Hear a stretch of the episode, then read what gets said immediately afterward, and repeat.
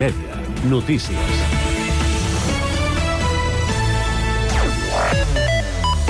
Bona tarda. Les entitats ecologistes que mantenen als tribunals la construcció de l'escola La Mirada veuen amb bons ulls la ubicació alternativa proposada per l'Ajuntament. De fet, l'emplaçament triat per l'equip de govern com a pla B és un dels tres que va proposar Sos Bosch Volpelleres, ja que asseguren té superfície suficient i pot encabir el projecte arquitectònic tal com està plantejat. Per això demanen que el consistori opti de manera definitiva per aquest nou solar i descarti d'una vegada per totes el parc del Bosc de Volpelleres. Així ho ha expressat el president de DENC, Joan Carles Salles, a Cugat Mèdia. El marc ètic pel qual es va discutir que s'havia de posar l'escola dins del bosc, decau no per un tema jurídic, decau perquè s'ha comprovat i s'ha demostrat que hi ha una alternativa viable. Llavors, ara ja no estem discutint eh, si l'escola o el bosc. Ara estem discutint que es pot, a la vegada, preservar el bosc de Volpelleres i ubicar l'escola en un altre indret dins el barri de Volpelleres.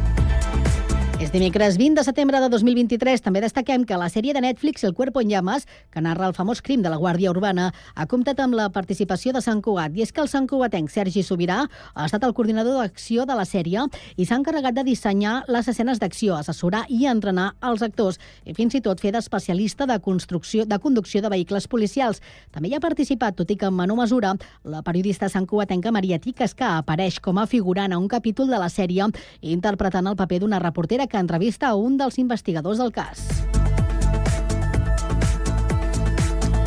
El Sant Cugat Fantàstic, el Festival del Cinema Fantàstic i de Terror de Sant Cugat arriba divendres a la ciutat en la seva novena edició. Fins al diumenge, el Cinema Sant Cugat acolliran aquest esdeveniment carregat de preestrenes i novetats del gènere. Enguany, amb motiu del 50 aniversari de l'estrena de L'Exorcista, es projectaran films lligats a aquesta temàtica que es complementaran amb una xerrada amb el rector de la parròquia de Sant Pere d'Octavià, Emili Merlès, i experts en la matèria com l'escriptora Teresa Porqueres i el cineasta Sant Cugatenc Marc Carreter. Tot plegat serà durant la nit de dissabte amb una marató diabòlica. I la regidora d'Esports, Núria Escamilla, ha repassat l'actualitat esportiva municipal en una entrevista al programa Esport en Marxa de Cugat Mèdia. Escamilla ocupa el càrrec des de fa tres mesos. Ha destacat que vol recuperar el pla estratègic de l'esport, implicant tots els agents esportius de la ciutat i que serveixi també per millorar l'oferta esportiva a Sant Cugat. Escamilla ha confirmat que la cursa DIR Mossos d'Esquadra es recupera de cara al 2024 i que també s'està treballant per apropar el teixit empresarial a projectes esportius en forma de patrocini. Res més per ara, la informació torna d'aquí una hora a la mateixa sintonia i constantment a internet a www.cugat.cat.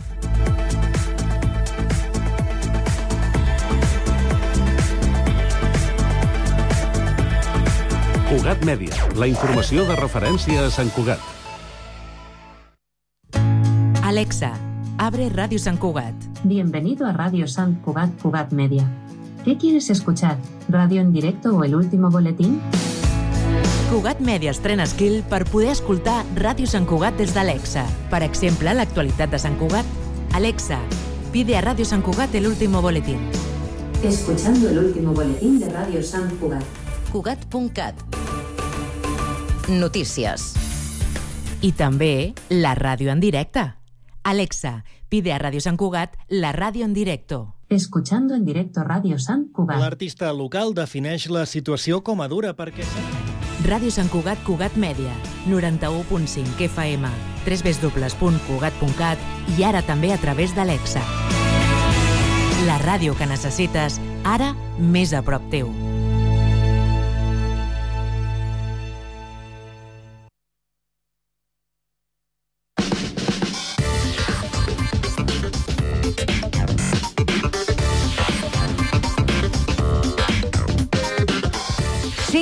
La tarda, 4 minuts, i iniciem la segona i última hora d'aquest Connectats de dimecres. Informació de servei, comencem, com és habitual, pel trànsit per saber com estan les vies d'entrada i sortida a l'àrea metropolitana de Barcelona, Ri... Jessica Rius. Anava a dir Rius Jessica i també, escolta, no hi hauria cap problema. Riu, efectivament, riu la Jessica. Eh, quina, quina és la situació a aquesta hora de tarda? Doncs mira, Carme, està sent una tarda bastant tranquil·la, sense cap incidència remarcable a la xarxa viària de l'àrea metropolitana de Barcelona, segons ens informa el Servei Català de Trànsit.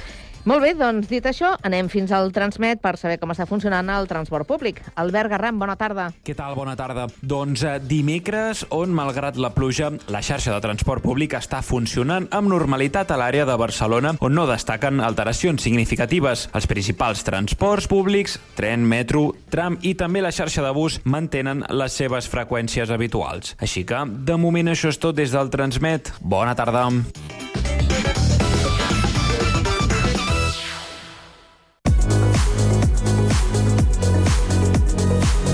Cada tarda, de 4 a 6, Connectats. Una experiència radiofònica a Sabadell, Terrassa, Sant Cugat, Castellà, El Prat i Badalona.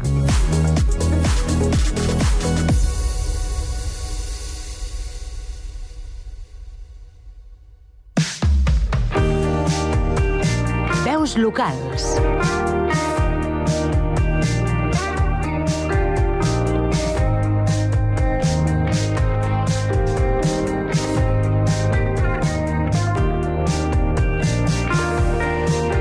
Nedadora des de ben petita, amant dels esports, però sobretot amant de la seva ciutat, Sant Cugat.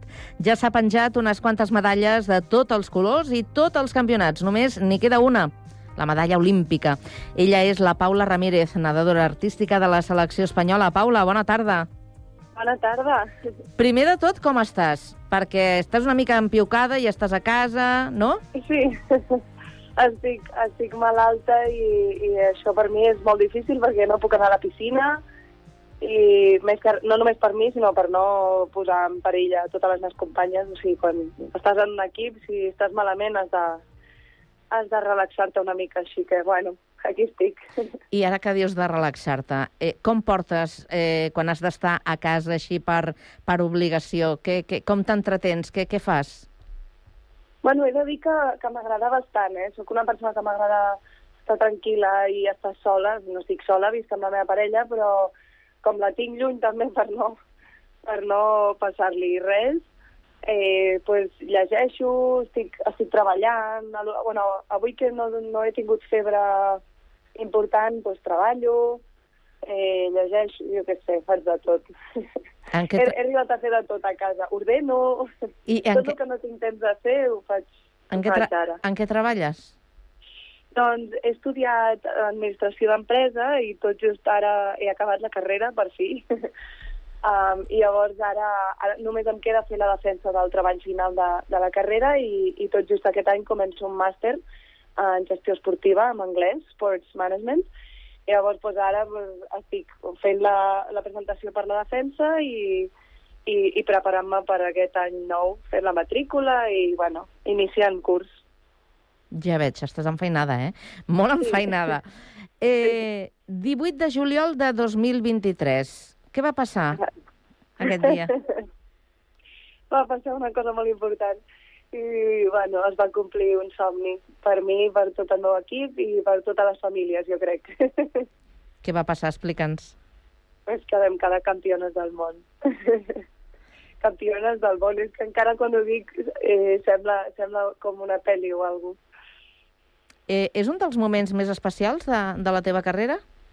Sí, sí, sí. sí. Ja, fins ara deia, sí, en tinc molts de moments especials, doncs, el primer cop que vaig nedar amb la selecció, eh, jo sé, la primera medalla que vaig guanyar quan era petita, jo, jo en tinc molts, el primer cop que vaig nedar a duet amb la Ona Carbonell, que va ser molt, molt especial, però és que, que, però és que, és que aquell dia va ser impressionant. O sigui, tot, tot el dia ja va ser com de somni, de bones sensacions, de avui és el dia, eh, tenia, tenia com un molt bon pressentiment, tot era positiu, tot era una energia supermaca amb l'equip i, i quan vam guanyar és que va ser impressionant no només per guanyar sinó perquè per tot el caliu que vam tenir de, de, de tots els altres països, de tot el públic. O sigui, és que ho, ho- recordo i, i crec que mai havíem estat tan, tan, tan felices en, en temes esportius, òbviament.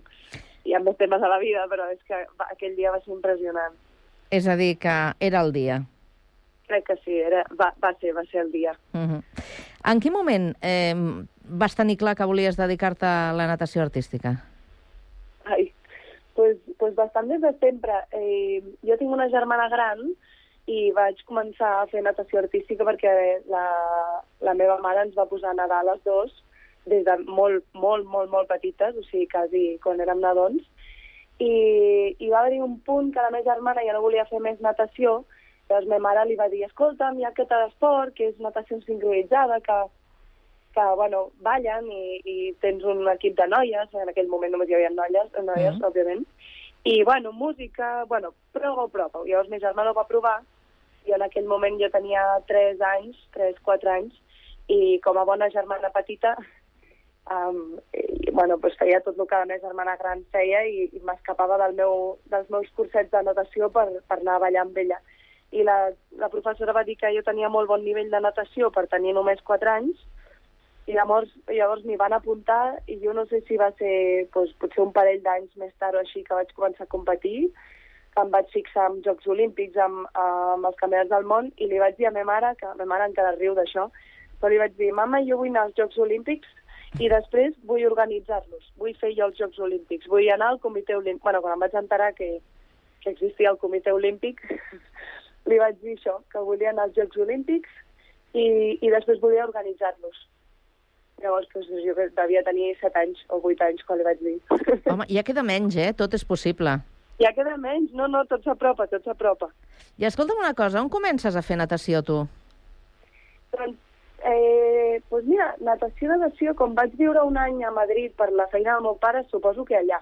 Però natació sincronitzada, quan jo vaig començar fa 20, 23 anys, no? Si tinc 27, sí, 20, 22, 23 anys, eh, va ser el Club Natació Callípolis a Barcelona, perquè era, era l'únic lloc que es feia sincronitzada en aquell moment, mm -hmm. aquí, a, a prop de casa, vamos, a prop de Sant Cugat. I escolta'm una cosa, la medalla que et falta, dèiem abans, que és la medalla olímpica. La tens ja en ment de cara a aquest any que ve? La tinc, la tinc en ment. Home, és l'any, és l'any, perquè són aquest estiu els Jocs Olímpics i, i ah, crec que està molt bé que, que hem guanyat el Campionat del Món l'any abans, perquè et dona una empenta, no? O sigui, ara jo sempre somiava amb, amb la medalla mundial, però ostres, la, la veia lluny fins a aquest últim any i ara que tinc la, la Mundial, pues, pues per què no? Veig a prop la dels Jocs, o sigui, tot es pot lluitar. O sigui, menys avui que estic malalta i no puc entrenar, ara... la, la, el reste del dia estem a tope, a tope. Ara que parles d'entrenament, quantes hores passes a, a entrenant? Quant, quant temps li dediques a, a la teva preparació? Um, entrenant, és a dir, entrenament físic, potser són unes 8 hores al dia. Però, clar, que, eh, que jo li dediqui aquest esport, jo també li sumo en el fisio eh, algun treball extra que fem, doncs mirem molt vídeo de, de les, els entrenaments que hem fet avui, doncs revisem el vídeo per revisar correccions, eh, mira, no conto el descans, la nutrició i, i, i tot perquè, bueno, per mi tot, tot té a veure, no? O sigui, podríem dir que li dedico 24 hores al dia.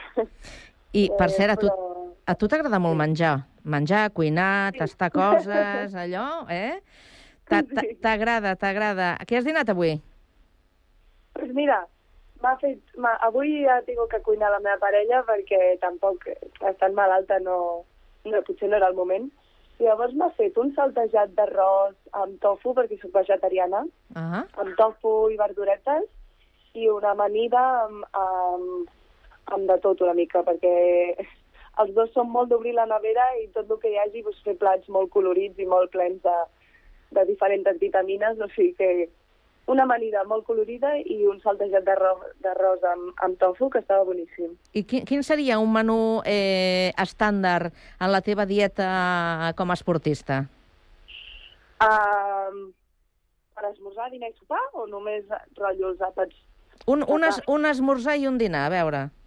A veure, un esmorzar vaig variant, però normalment em faig un porrit de, de cibada um, amb fruita, normalment, i, i fruits secs, o, mm. o, o crema de, de cacauet, que té bastanta proteïna i tal, i un cafè, sempre, un cafè amb llet que m'encanta, i després per dinar pues, mm, vario molt, però sempre ha de posar pues, hidrats, bastanta proteïnes, en el meu cas és pues, eura o, o soja texturitzada o, o tofu o ous, perquè ous sí que en menjo, pues això, o una mica de pasta amb, amb verdures saltejades. A mi m'agrada molt fer woks, llavors normalment faig un, un wok de verdures amb, amb tòfona o soja texturitzada, per exemple. Mm -hmm.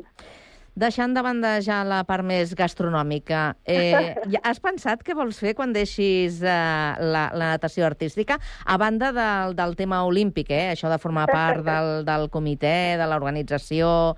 A, a què et vols dedicar? Pues és una mica... Di... Bueno, no sé, tinc, tinc moltes idees al cap, molts projectes, llavors no, no m'hi vull tancar a res, sí que m'agrada, bueno, ara estic estudiant, ara començaré el màster aquest en gestió esportiva, perquè m'agrada molt i perquè, bueno, com sempre he tingut el comitè olímpic allà al cap, pues, pues qui sap, potser, potser acabem allà. Però, però si no, no sé, sé que m'agrada molt la natura, m'agrada molt l'esport, m'agrada molt l'art, llavors eh, m'agradaria, sigui la feina que sigui, que sigui una mica a l'aire lliure o, o rodejada d'aquests ambients, d'art i natura. El, ni el, ni el nivell que tu competeixes, Paula, m'imagino doncs, que estàs contínuament amb la maleta amunt i avall. No sé si gaudeixes eh, de, de les teves estades a, a casa. Uh, tranquil·la, com, com avui, per exemple, que estàs per obligació, no, no, per, eh, eh, no, no per gust. Eh, que, pots fer vida a, a, a Sant Cugat, habitualment? Bueno, porto, porto molts anys a Sant Cugat, bueno, tota la meva vida, menys, menys aquells, crec que van ser un any i mig que vaig d'anar a marxar a Madrid, però, bueno, intento fer-la, intento comprar molt a petit comerç a Sant Cugat, m'encanta, visc a prop, bastant a prop del centre, i intento fer-la sempre, els dimecres a la tarda, que tenim descans normalment, eh, sempre surto per Sant Cugat, sigui, sigui per estudiar o treballar en una cafeteria, sigui per anar a comprar, sigui per quedar amb alguna amiga i socialitzar, o sigui... Però he de dir que em salto, em salto molts moments, a l'estiu sobretot, per exemple, aquest, aquest estiu passat, diguem, des del maig fins que vaig tornar del, del Mundial i, i l'agost, que he estat voltant una mica també por ahí, mm. eh, fins al setembre he estat una setmana a Sant Cugat. O sigui, m'he perdut m'he perdut l'estiu de Sant Cugat, el bon ambient, que, és, que també potser és el que més m'agrada. Però bueno, Tens un, ra... Tens un racó favorit de Sant Cugat? Allà on, mira, si m'he de perdre, em trobareu per allà. Ostres, és difícil, eh?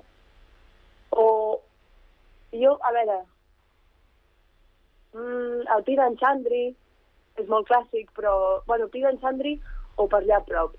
Però vull dir, perdre'm per, per Collserola o, o potser al Turó de Can Mates, molts cops he agafat, quan, quan estava estressada, cansada, el que sigui, la meva parella i jo, ens fem un, un tàper amb el sopar i pugem allà de la sopar.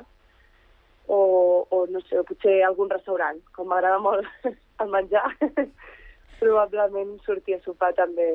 Bueno, potser ho deixem amb altura de Can Mates, que és on més hi vaig. Ja ja s'hi respira bé, oi? Sí, exacte. Eh, Paula, estem acabant ja l'entrevista i sempre demanem als nostres convidats que triïn un tema musical per tancar aquesta conversa. Tu quin, quin has triat i per quin motiu? Ostres, doncs mira, com vaig estar pensant, ara estic dubtant en quin vaig triar. Eh... Uf, és que ara, clar, canviaria.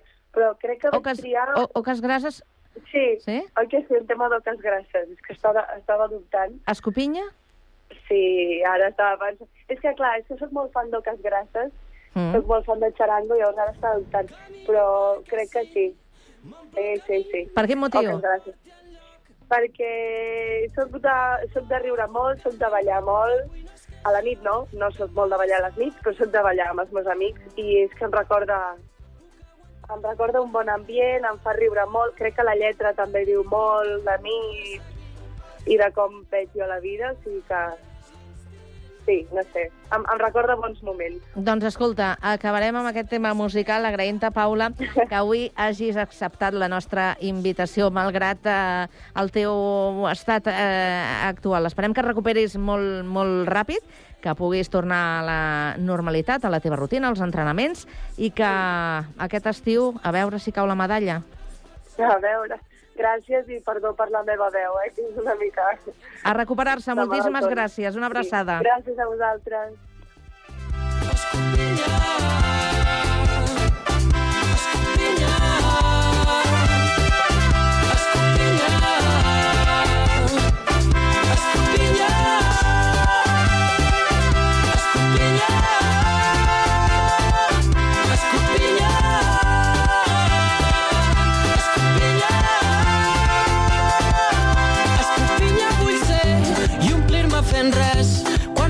Cosa vols l'altra i l'altra i l'altra i així estem.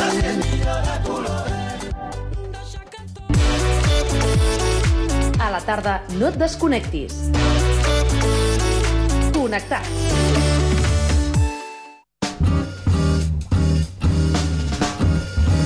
Amb molt de gust.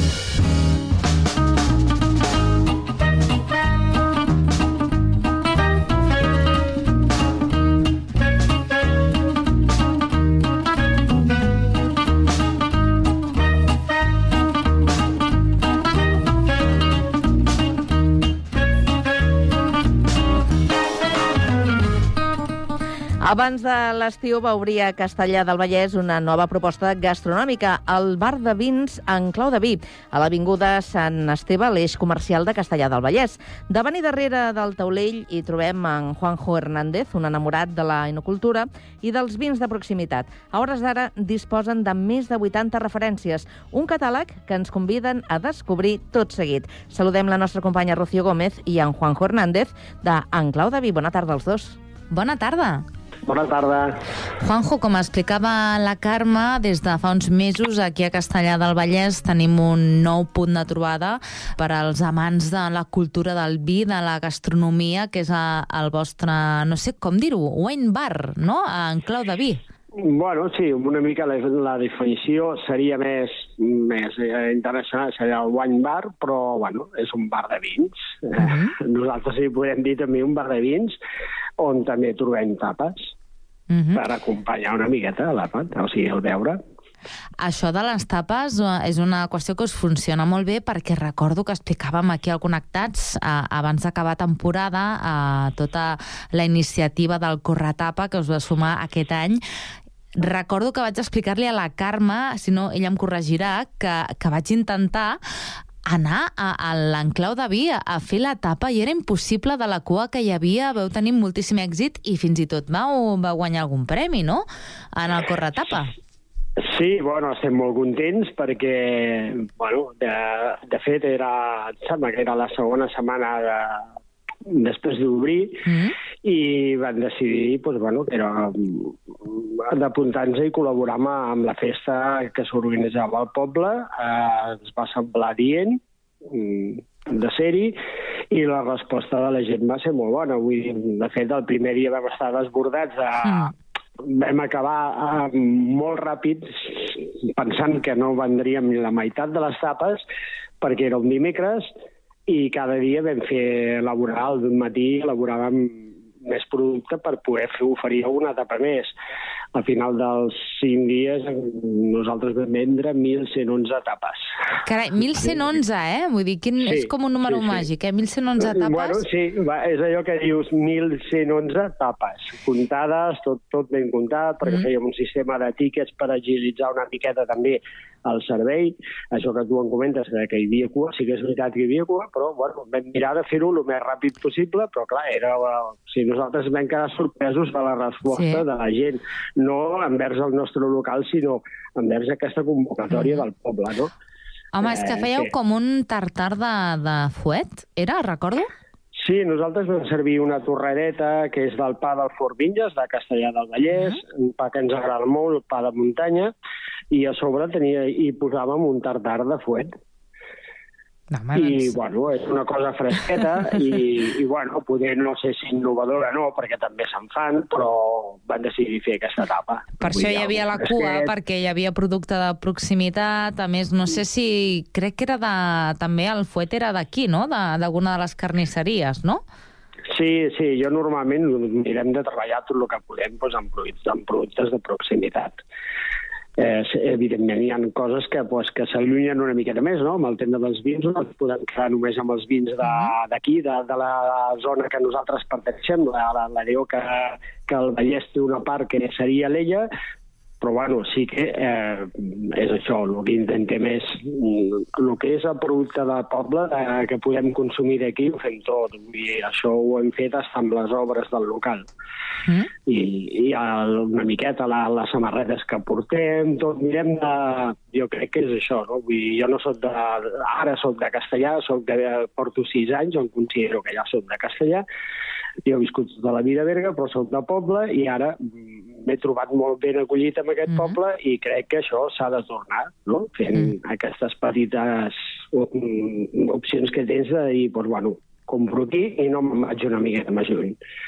Ets un bon ambaixador, eh? Vull dir, eh, t'haurem de fitxar com a ambaixador de, de Castellà del Vallès amb aquesta promoció que ens estàs fent. Per tant, eh, abans de, de continuar parlant de vins, deixa'm tenir un record per l'Adrià Garriga, que va ser impulsor dels vins de les cinc quarteres eh, que feia amb un projecte d'economia circular, inclusió social a la Masia La Muntada, amb aquests vins que et comentava dels cinc quarteres, que fa unes setmanes doncs, eh, ens va deixar una persona amb molta empenta que va fer una feina importantíssima per recuperar les vinyes de la Vall d'Horta, el Parc Natural de Sant Llorenç del Munt i de l'Ubac, i que ha fet molt també doncs, per la cultura vitícola aquí a, a la comarca, a, al Vallès Occidental. A, et deia, Juanjo, parlem de vins, perquè, és clar, en clau de vins i hem parlat de fuet, hem parlat del corretapa, però volem saber què és el que teniu no? al vostre bar de vins. Quina és la- l'oferta?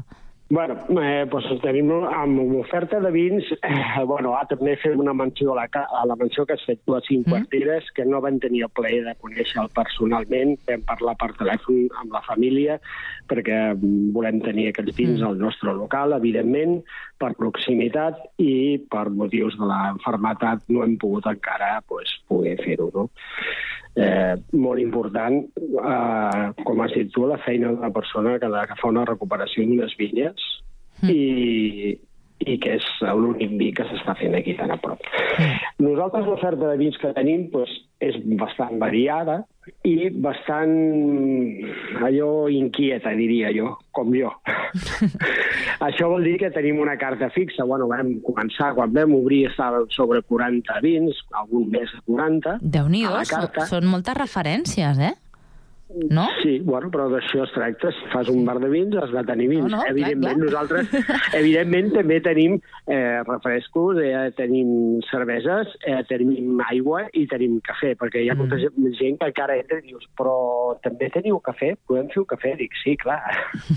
o sigui, tenim també, per al que no li agrada el vi, pues, el que pugui triar una cervesa i el que no veu alcohol. A part de vi sense alcohol, pues, també hi ha refrescos i sucs. Llavors, l'oferta de vins ara mateix estem sobre, sobrepassen els 80 referències a la carta, Mm? però sí que el que mirem, que és això que és el que et dic, aquesta oferta una mica inquieta com jo, que, que es mou una miqueta, que és que cada dos o tres dies eh, l'oferta de, de vi a copes es va modificant. Això vol dir que, que anem provant coses noves cada setmana. Coses noves que després eh, igual s'incorpor- s'incorporen a la carta eh, i altres marxen perquè veiem que no funcionen o les tornarem a posar en un temps i això el que ens fa és eh, o sigui, donar la possibilitat al, al que és al que li agrada el vi de, de poder provar coses diferents cada setmana i que no s'avorreixi. Ja tenim una clientela doncs, amb aquests tres mesos doncs, que, que, que ens agrada, que repeteixin i, i que ja venen buscant aquesta pissarra que hi ha al vi que hi ha copes aquell dia per veure què és el que no hem provat i demanar aquella copa, i això és el que ens interessava, no? O sigui, que no ens, quedi, no, no ens quedem amb una ampolla de vi i beguem sempre el mateix vi. Mm. I llavors, d'aquesta manera també tens l'oportunitat de provar vins que poder pel pressupost mm, no, et bé de gastar-te 30 euros en una ampolla, però sí pots pagar 5 euros o de La 5 a copa. 6 euros Mhm. per una copa i dius, "Ostres, doncs avui sí que provaré aquest vi. Es poden comprar ampolles? Perquè de vegades eh, hi ha locals de l'estil del vostre que també ofereixen la possibilitat de, doncs mira, aquest vi que tenim justament aquesta setmana m'ha agradat, doncs que te'l puguis emportar a casa. Vosaltres també funcioneu així o de sí, moment... Sí, sí, sí. No, sí, funcionem. Tenim, tenim la nostra carta, eh, tens els preus marcats, el preu per copa, si està a copes, el preu de, de l'ampolla, si l'has de consumir al local, i un altre preu que és més reduït si te l'emportes a casa. Això vol dir que, clar, això a vegades passa a la gent, dius, hòstia, mira que tinc un sopar i no he comprat vi i, bueno, com no som una botiga però tenim un horari que s'allarga més, doncs tens la possibilitat de comprar-lo ja.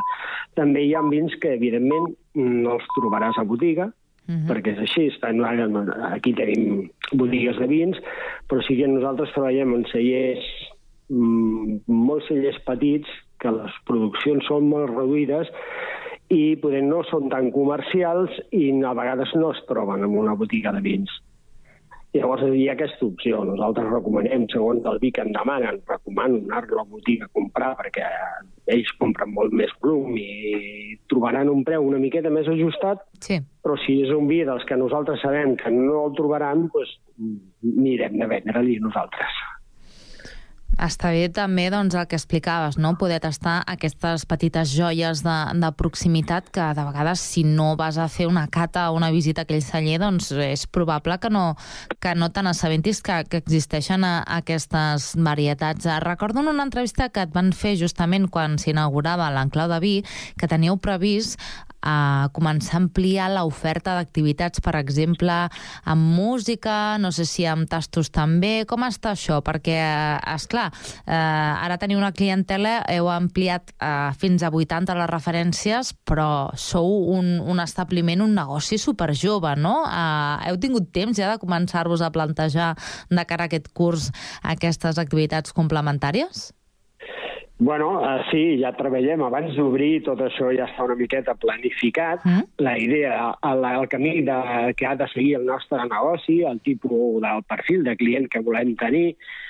Eh, I, bueno, ara, pues, bueno, de cara a passar a la festa major, pues, bueno, també igual que volem ampliar i tenir una miqueta de terrassa de cara a festa major per poder ampliar una miqueta més el servei, perquè és un local molt petitet, eh, eh, si tot va bé, al setembre oferirem també la primera cata maridatge amb tapes oh, pels bo. clients. Això vol dir, bueno, ens ho han demanat ja molts clients, ja ens ho demanen, escolta, fareu cates, tal, sí. Llavors això es farà, doncs, es farà l'anunci, es farà la publicació a l'Instagram, eh, es faran les reserves i si no passa res, això serà un dijous, un dijous per sopar i serà porta tancada, evidentment, per només pels clients que estiguin apuntats, mm -hmm. perquè el seu local petit doncs, no podem permetre eh, que hi hagi interrupció externa d'algú que vingui a fer una copa o no. Llavors, aquell és, és, dia, una, pues, és un esdeveniment privat i doncs sí, això hi haurà unes sigui... places limitades i es farà la cata amb degustació. Els productes Correcte, seran sí. tapes o sabeu per on anirà per anar Seran aniran... tapes i, sí. tapes i vins, vull dir, com és un local petitet i haurem de fer doncs, de 15 a 20 persones, que és l'aforament que tenim, al final no pots deixar entrar ningú més, per això serà exclusiu i privat. Eh, llavors seran, segurament, si parlem de 5 vins i 5 tapes, eh, amb un maridatge que en cada, en cada etapa, se serà, o sigui, en cada vi se servirà una tapa, Mm. i serà eh, tot del, del mateix celler, per donar a conèixer un celler. Un celler que nosaltres ja estem treballant, però que encara ens queden moltíssimes referències que no hem provat d'aquest celler, evidentment, perquè portem tres mesos. I llavors, una miqueta això, es, es fa un horari de, de sopar, més o menys 8 i mitja a les 9, donar temps que la gent arribi, eh, comptarem amb la presència eh, de, del celler, mm. que és el que impartirà la cata, nosaltres ens encarreguem del servei del menjar. Nosaltres no fem mm. la cata. Sí, Perquè, Sempre ah. mirem de, de, de tenir uh, algú molt lligat al celler, o si no és el director comercial, eh, moltes vegades hi, hi trobarem també el propietari del celler. Juanjo, aquesta passió eh, pel món del vi d'on et ve? Vull dir, tu t'has format eh, en el món de l'enologia o, o quan vas començar una mica eh, a donar-hi voltes, a, a posar en marxa un projecte com aquest a Castellà del Vallès? Bueno, jo la meva formació o sigui, la passió sobre el vi jo crec que ve de fa moltíssims anys ja, o sigui, parlem de... Soc consumidor de vi pues, eh, des de fa 30, més de 30 anys. Uh -huh. Mm, bueno, que jo me'n recordo, i o sigui, poder una mica més, perquè jo me'n recordo que quan eres petit el, el, el pare t'agafava el genoll Ai. i et donava amb el porró, allò que et donaven amb el porró. que Això, avui això ja no es pot- pot fer. no es pot fer, i quasi no. bé no es pot dir, però bueno, el, eh, però llavors ja amb l'edat doncs, eh, vas consumint vi, vas mirant de buscar coses que, que et sorprenguin més, i, però no era la meva feina, eh? però sí que cap al 2011 jo vaig decidir posar-me més en sèrio amb aquest tema, llavors va ser quan jo vaig obrir el primer meu bar, petit bar-restaurant, que és el mateix format que aquí a Castellà, però a Berga, que era on vivia jo. Uh -huh. El local va funcionar fins al 2018, uns 7 o 8 anys, 9, bueno, por ahí. Es va tancar per motius familiars, de separació, però bueno, a mi em van quedar ganes de més. Eh, llavors, bueno, jo vaig estar un any fora i, i vaig venir després aquí a Castellà i continuava com a cuiner però em faltava, em faltava. I jo ja tenia aquella cosa de, de dir, o sigui, aquí a Castellà no tenim un lloc així, sí. i, i jo vull fer això, i bueno, ja fa dos o tres anys eh, se'm va escapar un local que m'encaixava, però bueno, al final no va poder ser. El, el, el nom es va triar fa tres anys amb una enquesta massiva que vam fer entre companys, amics i familiars, però en aquell moment no va poder ser fins ara al desembre, que va sortir el local i ens, ens hi vam posar i vam dir, bueno, aquest ha de ser. I hem de tirar-ho endavant i, bueno, Mm. aquí estem. Juanjo, doncs recorda'ns l'adreça de- d'en Clau de Vi per seguir-vos a banda de les xarxes socials, per poder venir a Castellà del Vallès a provar aquestes 80... Bueno, no totes de cop, eh? a poc No. a poc aquestes referències a, Mica de vins que tu tens, de mica en mica. Això, on esteu? Eh, nosaltres estem a l'Avinguda Sant Esteve, número 36 de Castellà del Vallès. Doncs uh, queda l'adreça dita en Clau de Vi, una proposta innovadora aquí a Castellà del Vallès que a poc a poc estem recuperant una mica el pols d'aquesta vida més nocturna que ja sabem que amb la pandèmia tot va quedar parat i propostes com aquesta en Clau de Vi doncs, uh, també donen una miqueta més d'alegria a l'eix comercial i a, i a l'oci, a la vida nocturna de, de Castellà del Vallès. Juanjo, bona tarda i ens, ens veiem entre copes a l'Avinguda Sant Esteve. Molt bé, moltes gràcies a vosaltres, bona tarda i... I salut. Brindem quan, quan es veiem. Salut. Bona tarda. Adéu, bona tarda.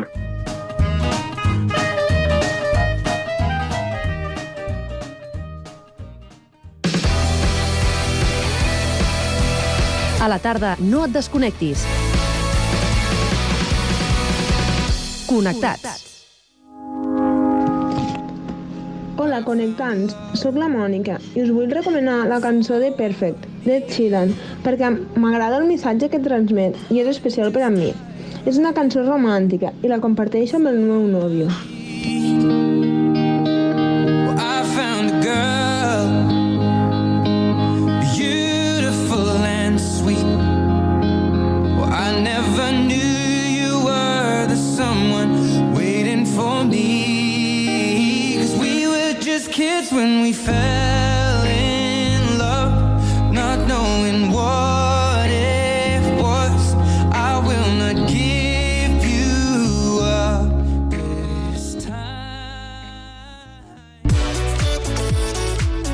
Tarda, no et desconnectis. Connectats.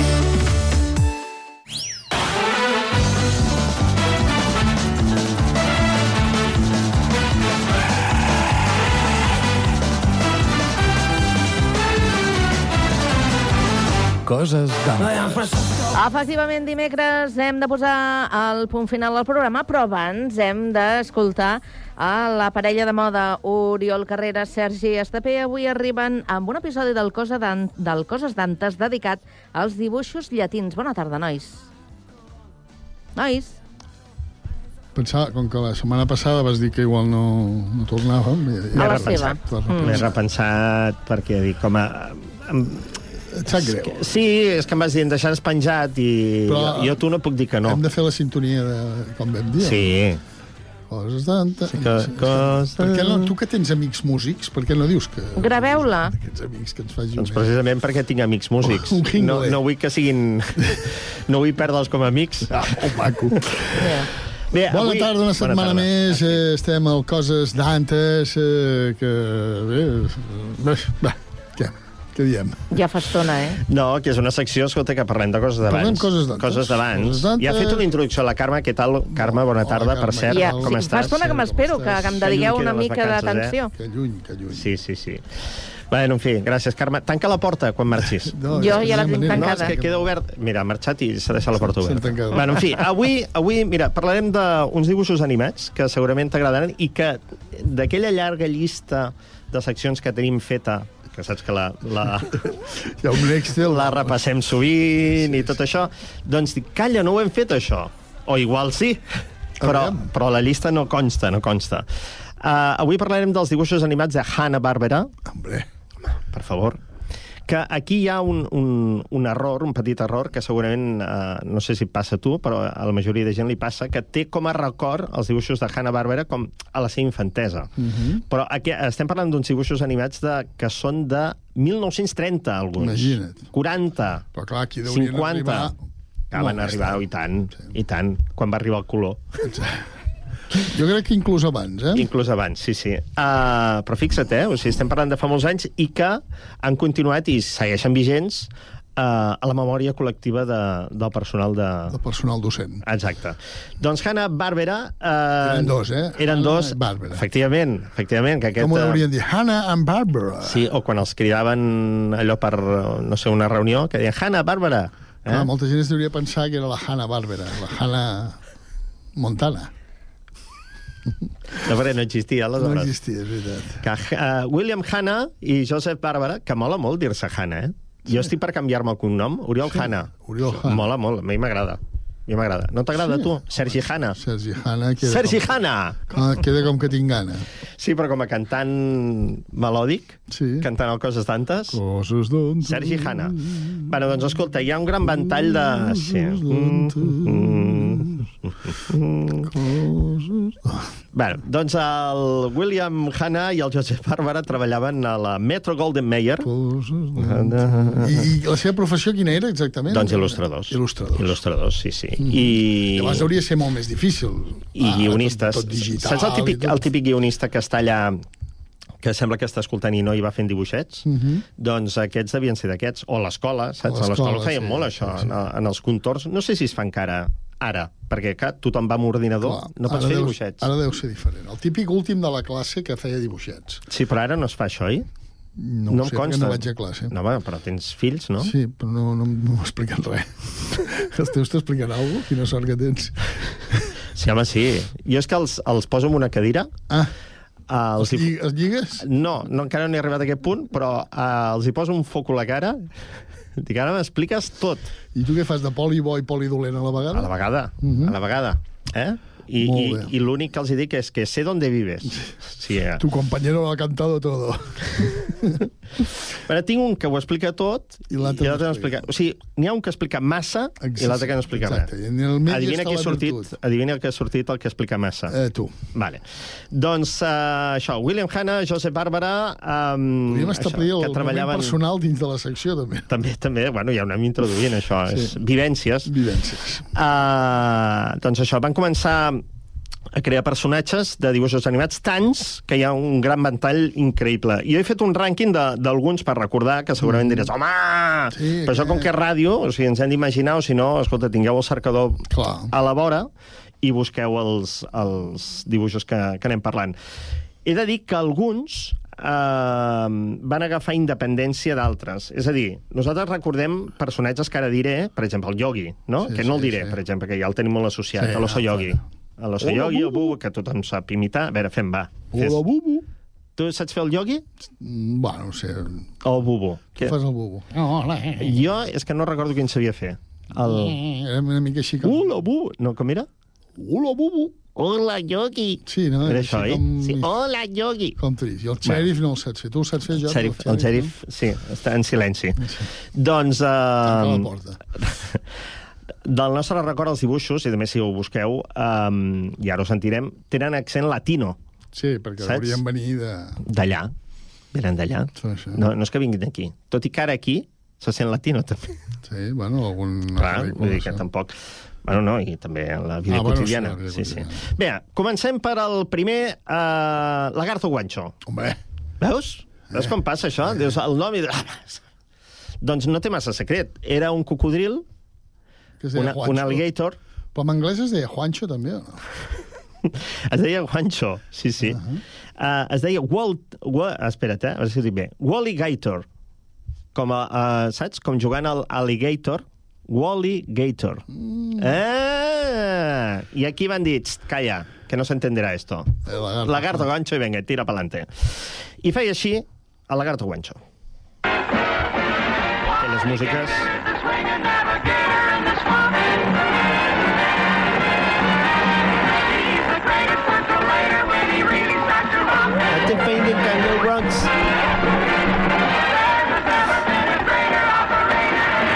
Ah, com deia... Ah, veus? El lagarto Juancho. Aquest home deu ser mort, no? No pienso desperdiciar mi sábado en la noche Mira, quedándome en este lugar Aquest és el tan lagarto. monótono.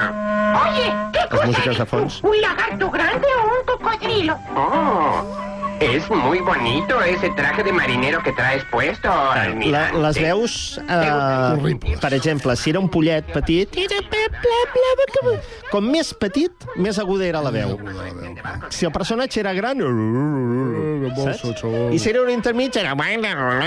Saps? Tenia la veu com més nasal. Uh, Hanna-Barbera van fundar aquesta empresa de dibuixos animats, que no ho he dit, el 57. Uh, això del Lagarto Guancho, que estem escoltant, és del 62. Tu havies nascut al 62, veus? Però, en canvi, ho tens allò com de dir, home, vaig, vaig consumir, vaig consumir. Bé, un altre... Oh, vaig consumir dibuixos animats. Un altre també mític... el que vulguis. Bueno, això, no- jo no- aquí, jo no et ja jutjaré. Hong Kong Fui. Saps qui era el uh, Hong Kong Fui? Mira, et sonarà, et sonarà, ja veuràs. La sintonia, sobretot. ¿Quién es el superhéroe? ¿El sargento? ¿El sargento? ¿Rosemary, la telefonista? Que anava d'incògnit. Era un gos. ¿Henry, el apacible conserje? Tal vez. Hong Kong Fooey, number one Per cert, deixeu-me deixeu fer un apunt del lagarto guancho que l'acompanyava el Leoncio León i Tristón i la tortuga d'Artagnan. Sí, sí, sí, la tortuga era molt deixat, clàssic. eh? Bé, el Hong Kong Fui eh, es va estrenar al 74 i anava d'incògnit, com deia, o sigui, era un gos vestit de, de persona amb corbata i tal, no sé què, rodejat de persones humanes. Una mica surrealista, Sí. perquè després, clar, es, es vestia de karateca eh, quan havia de complir una missió. Hi ha molta violència a la majoria de dibuixos de Hanna-Barbera. Sí, sí. Home, tots són castanyes. I, a més, eh, van ser innovadors a introduir sons de... Saps allò? Sí. Saps? Bueno, no ho sé fer, eh? No, no, ho has fet bé, ho has fet bé. Sí, no? Jo ho he doncs, entès. Doncs aquests sorolls uh, dels dibuixos animats. Bé, un altre. Maguila el gorila. Vinga, Jul. Ah. La gorila en Casa Mayor. Espera, torna-la a posar perquè jo entenc en Casa Mayol. Maguila a veure, gorila en Casa Mayor. Mallol, sí, és una Se diu L. Mayor, però és... És una LR. És Mallol català, eh? És com el Mallol. Tardà, te'n recordes del Tardà que feia? Aquest l'hem de fer. Mira, aquest està a punt de fer-lo. Hem de fer el Tardà. El tinc, el tinc. Pagueu, pag, telèfon... Deixa- escoltar Maguila. No es un racimo de bananas, es un saco de maní. Este Uno de estos días voy a cambiar a este gorila por una cotorra. Sí, imagineu-vos gent d'una certa edat ja alta fent aquestes veuetes, eh? Debí hacerme de Maguila ofreciéndolo como un hermoso que- ¿a qué se dedica tu padre? O a tu abuelo? ¿A què se dedica? Diu, a posar la veu a Maguila Gorila. Que era un gorila que estava en una botiga de- d'animals i el gorila estava a l'aparador. I vivia a l'aparador. Sí, doncs era com un reclam de la botiga de Una cosa increïble. El show de Maguila Gorila. Bueno, més, Pixie Dixie. Dos ratones chipeen pa' un gato gitanazo. A la una, a la dos y a la bolsa. Vaya, vaya. ¿qué es lo que tenemos aquí? Bueno, Pixie Dixie van agafar independència, és allò que deien, perquè eh, feien com uns shows. Eh, per exemple, hi havia el show de Huckleberry Hound, que era un gos, Sí, sí, eh, o l'Oso Yogi, i llavors s'introduïen aquests curs del Pixie Dixie i Mr. Jinx, no? Que era el gat. Sí, que tenia accent com andalús, no? Exacte, que deia Mar no, no Mardito. que, sí, no crec que... El que hem sentit, no? Que deia Mardito Rodeo... Em sembla que ho diu al final, ho diu al final, eh? A veure... Veus, ara ho he dit. Rodeore, rodeore. Bueno, doncs, uh, Pixie Dixie, de l'any 60, van agafar independència a Pixie Dixie i Mr. Jeans, que aquests sí que van patar moltíssim. O sigui, inclús competint amb Tom i Jerry. Sí, sí, sí. Que era d'una altra, d'una altra companyia. Una altra, va. Et veig molt apassionat, eh? No, no, és que estic, estic recordant... el- No, no T'ha em ve el agafat un cap, la, bajón, em ve bajón. cap la figura de Mr. Jinx, però del- dels... dels Dos, dos ratolins. No, em- sí, però no em ve. Home, dos ratolins. Bueno, però dels ratolins també n'hi ha a la, la Cenicienta. Però amb orelles i una Ah, cua, val, sí, cada un, clar, i- ratolins. Sí, sí. I amb un, amb un violí i un saxo. Però no em venen al cap ratolins. Ara, en aquest moment, la figura aquesta no em ve. Ja ho miraré. El gat sí. El gat sí, el Mr. I, i els ratolins? No em venen. Bueno, per... Bueno, Ah, vinga. Gallo Claudio. Aquest no és ell, aquest no és ell, eh? Aquest és un pollito. El sentirem, el sentirem. Mira. buenos, digo, buenos días, ciudad. Buenos El único ratón que come Espera, espera, que ha saltat, ha saltat. Uh, bueno, bueno, aquest el saps imitant. Sí, bueno, bueno. Bueno, Oriol. I bueno, bueno, bueno, bueno. Aquest es deia Foc Horn Leghorn, el gallo Claudio, vale? que se- s'entertuligava a l'hora de parlar. Sí, sí, sí. Vale. Doncs, Que uh, mudejava una mica. Sí, sí, sí. Bé, doncs aquest uh, sí que va agafar certa volada i va tenir també independència. Eh, sortia amb el Looney Tunes, te'n recordes allò? Sí, sí, aquell, sí, aquells cercles... eh, ta, ta, ta, ta, no? Fantasies animades de Ieri Oi. Vinga. Doncs uh, Gallo Claudia és del 46 del 1946 al 56. Déu-n'hi-do. Flipa, eh? o Sí, sigui, sí, és, sí. és antic, eh? És antic en la peu. Vinga, un altre. El único ratón que come queso Super ratón. vitaminado en los monstruos de la luna. Va. Era el que més m'agradava. Tu t'agrada el super Molt, molt. Per algun motiu concret? Pel, Una, pel una, cosa, o- una cosa bàrbara. Per algun motiu t'agrada més? No sé, em cridava l'atenció. Fins que vaig descobrir el Spider-Man. Que, Ah, que... va. Sí, no. Tot, tots en pijama. Spider-Man. Sí, sí, tots en pijama. ¡Apresúrate! ¡El deber me llama! Aquest és Superratón, eh? Apresúrense! Bueno, he de dir que de tota la, tot el curt de Superratón, l'única paraula que li vaig treure és això. Apresura-te! Va, Això està tallat, eh? Està editat. No és, no és que hagi aquí... No, no, Ah, tot clar. això està editat. He anat a buscar el tall i tot el de més són sorollets, això. Eh, eh, Ah, violins... i- Aquests dibuixos vivien molt d'aquests sorollets. I... Metralletes, Cops. allò, violència... Sí, sí, sí, sí. sí, sí portes que sonen i es tanquen. Bé, Bueno, doncs... hi ha que no es tanquen. Mickey Mouse, eh? que això, eh, el Superretorn encara, encara està vigent, també, eh, fins i tot en samarretes, Sí, encara, sí. Es, encara es pot veure. Doncs el Superretorn és de l'any 1942. Flipa, eh? També. És que jo, jo al·lucino, perquè a mi m'encantava, però jo no vaig néixer al 42. Però, en fi, hi ha un altre personatge, en aquest cas... Feia el 43. De licor. Sí. Uh, hi ha un personatge mexicà, també molt conegut, que es deia Speedy González. Va. Speedy González. Por favor, amigos, no se den por vencidos. ¡Ey, miren! ¡Oh! ¡Una cantimplora! ¡Estamos salvados! ¡Una cantimplora llena de agua! Era el ratolí més ràpid de, de Mèxic, no? Era l'Speedy González, i, bueno, també violència a saco, eh? O Sí, sí. és Molt, molt ratolí, eh? Me'n deixo un pel final, Va. que és Los Autos Locos. Autos Locos a petició teva. Y aquí están de nuevo, el más osado grupo de pilotos de carreras del mundo en sus Autos Locos! en las Wakey carreras Races. peligrosamente divertidas de la historia. Uh, podríem dir que és la sèrie de dibuixos animats de Hanna-Barbera que ho va patar més. Era una cursa, eh, expliquem-ho, doncs... on Sí, no, mira, diversos- estava inspirat a tu que t'agrada el cinema, la carrera del siglo, Sí, del el- 65, Sí, sí, sí. sí. i, i van fer una sèrie de, de capítols amb una cursa, perquè la cursa no acabava. Mai. No acabava mai. I van fer una segona cursa, donat de l'èxit, I cada... Anaves a dir tu, digue tu. No, no, que t'he tallat. no. No, digue, explica. No, hi havia una sèrie de Ah, personatges a ca- cada cotxe i el dolent era el Pierno de Lluna. Exacte. Que tenia un gos que li deien Pulgoso i que feia... Patant, no? Feia... Ah, no. Bueno, Ful, Ah, no, eh, el lindo. Fulgoso es deia Patant. i, i com, com feia? Com feia? Feia això, no? Que a més, al plano final sempre el Patant, no? Allò.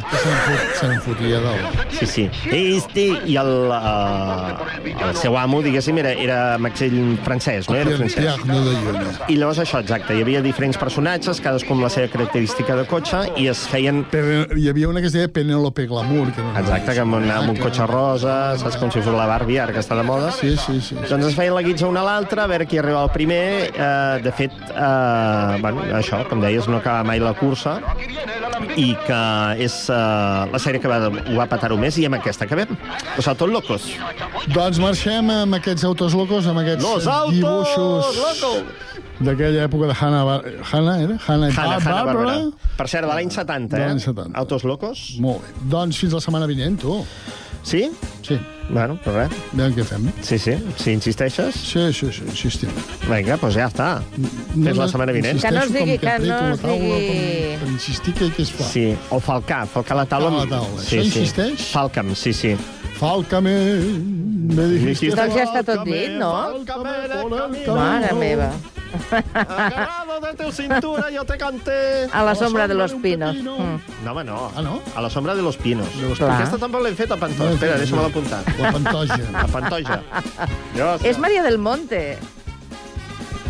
Senyors, ni cas. Eh, aneu apuntant perquè nosaltres anirem tancant el programa. Així que us, eh, us hi esperem dimecres que ve. Eh? Teniu temps per anar pensant i decidir en aquesta llista fantàstica que teniu quins sí, quins no, quins temes trieu a l'hora de deleitar-nos eh, en aquest tram final dels dimecres. Gràcies a tots els que ens heu acompanyat. Aquí s'acaba el Connectats d'aquest dimecres, esperant que us hagi agradat i demà més, ja sabeu, la cita la tenim com sempre a les 4 i 4 minuts. Fins aleshores, acabeu de passar molt bona tarda. Adéu-siau.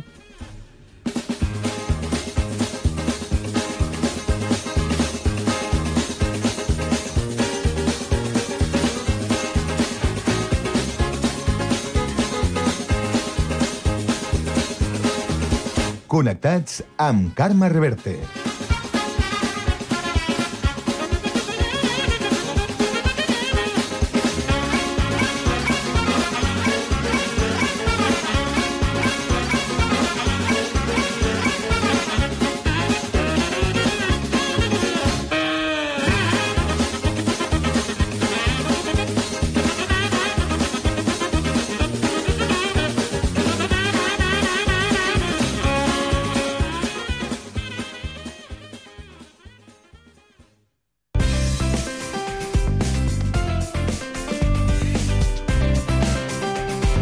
Ràdio Sant Cugat, Cugat Mèdia, 91.5 FM.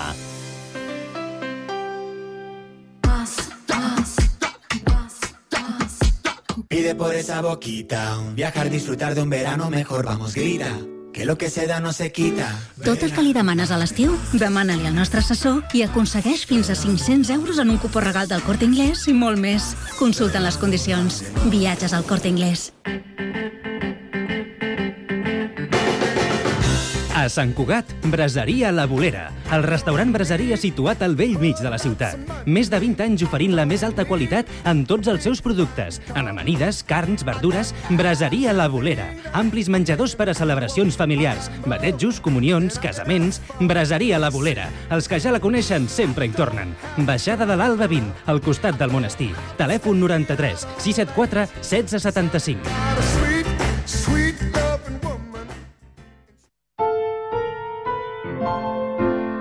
L'Associació Amants del Teatre i Ràdio Sant Cugat Cugat Mèdia t'apropen grans obres de la literatura a través de la oïda. Doncs aquesta té un cert tràfic... Vet aquí, ja volia dir jo. És una bogeria, una barbaritat. Et diré el meu nom a l'orella, escolta. Oh! La vídua es posa ràpidament al llit. Radioteatre amb obres de Jean Cocteau, Martí Boada, Robert Robert, Mercè Rodoreda, Pere Caldés o Anton Chekhov. Al 91.5 FM i a www.cugat.cat. Cada mes, els alumnes dels instituts Leonardo da Vinci, el Centre de Formació d'Adults i el Col·legi Pureza de Maria expliquen l'actualitat dels seus centres a Ràdio Sant Cugat. Els alumnes de primer d'ESO van fer una excursió el 18 d'octubre a un jaciment arqueològic. Doncs jo vull parlar sobre la inauguració del Punt Lila i el Punt Rainbow. També ens fan recomanacions. I el que m'agrada molt d'aquest llibre és que eh, a les pàgines es poden veure els correus. Ens diuen què els agrada. A mi m'agrada el Nadal amb fred. Parlaré del que m'agrada que va sobre el meu esplai. I ens posen al dia amb la música que escolten. Jo he escollit eh, La gent d'estimo, que és d'Oques Grasses. Quan somrius és Joan Dausà. No dudaria, Rosario. Els instituts Sant Cugatencs a Cugat Mèdia. Els dijous a les 10 a Ràdio Sant Cugat i en podcast a Cugat.cat i a Ull Crític.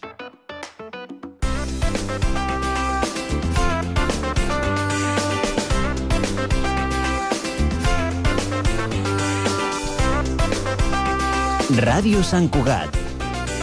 www.cugat.cat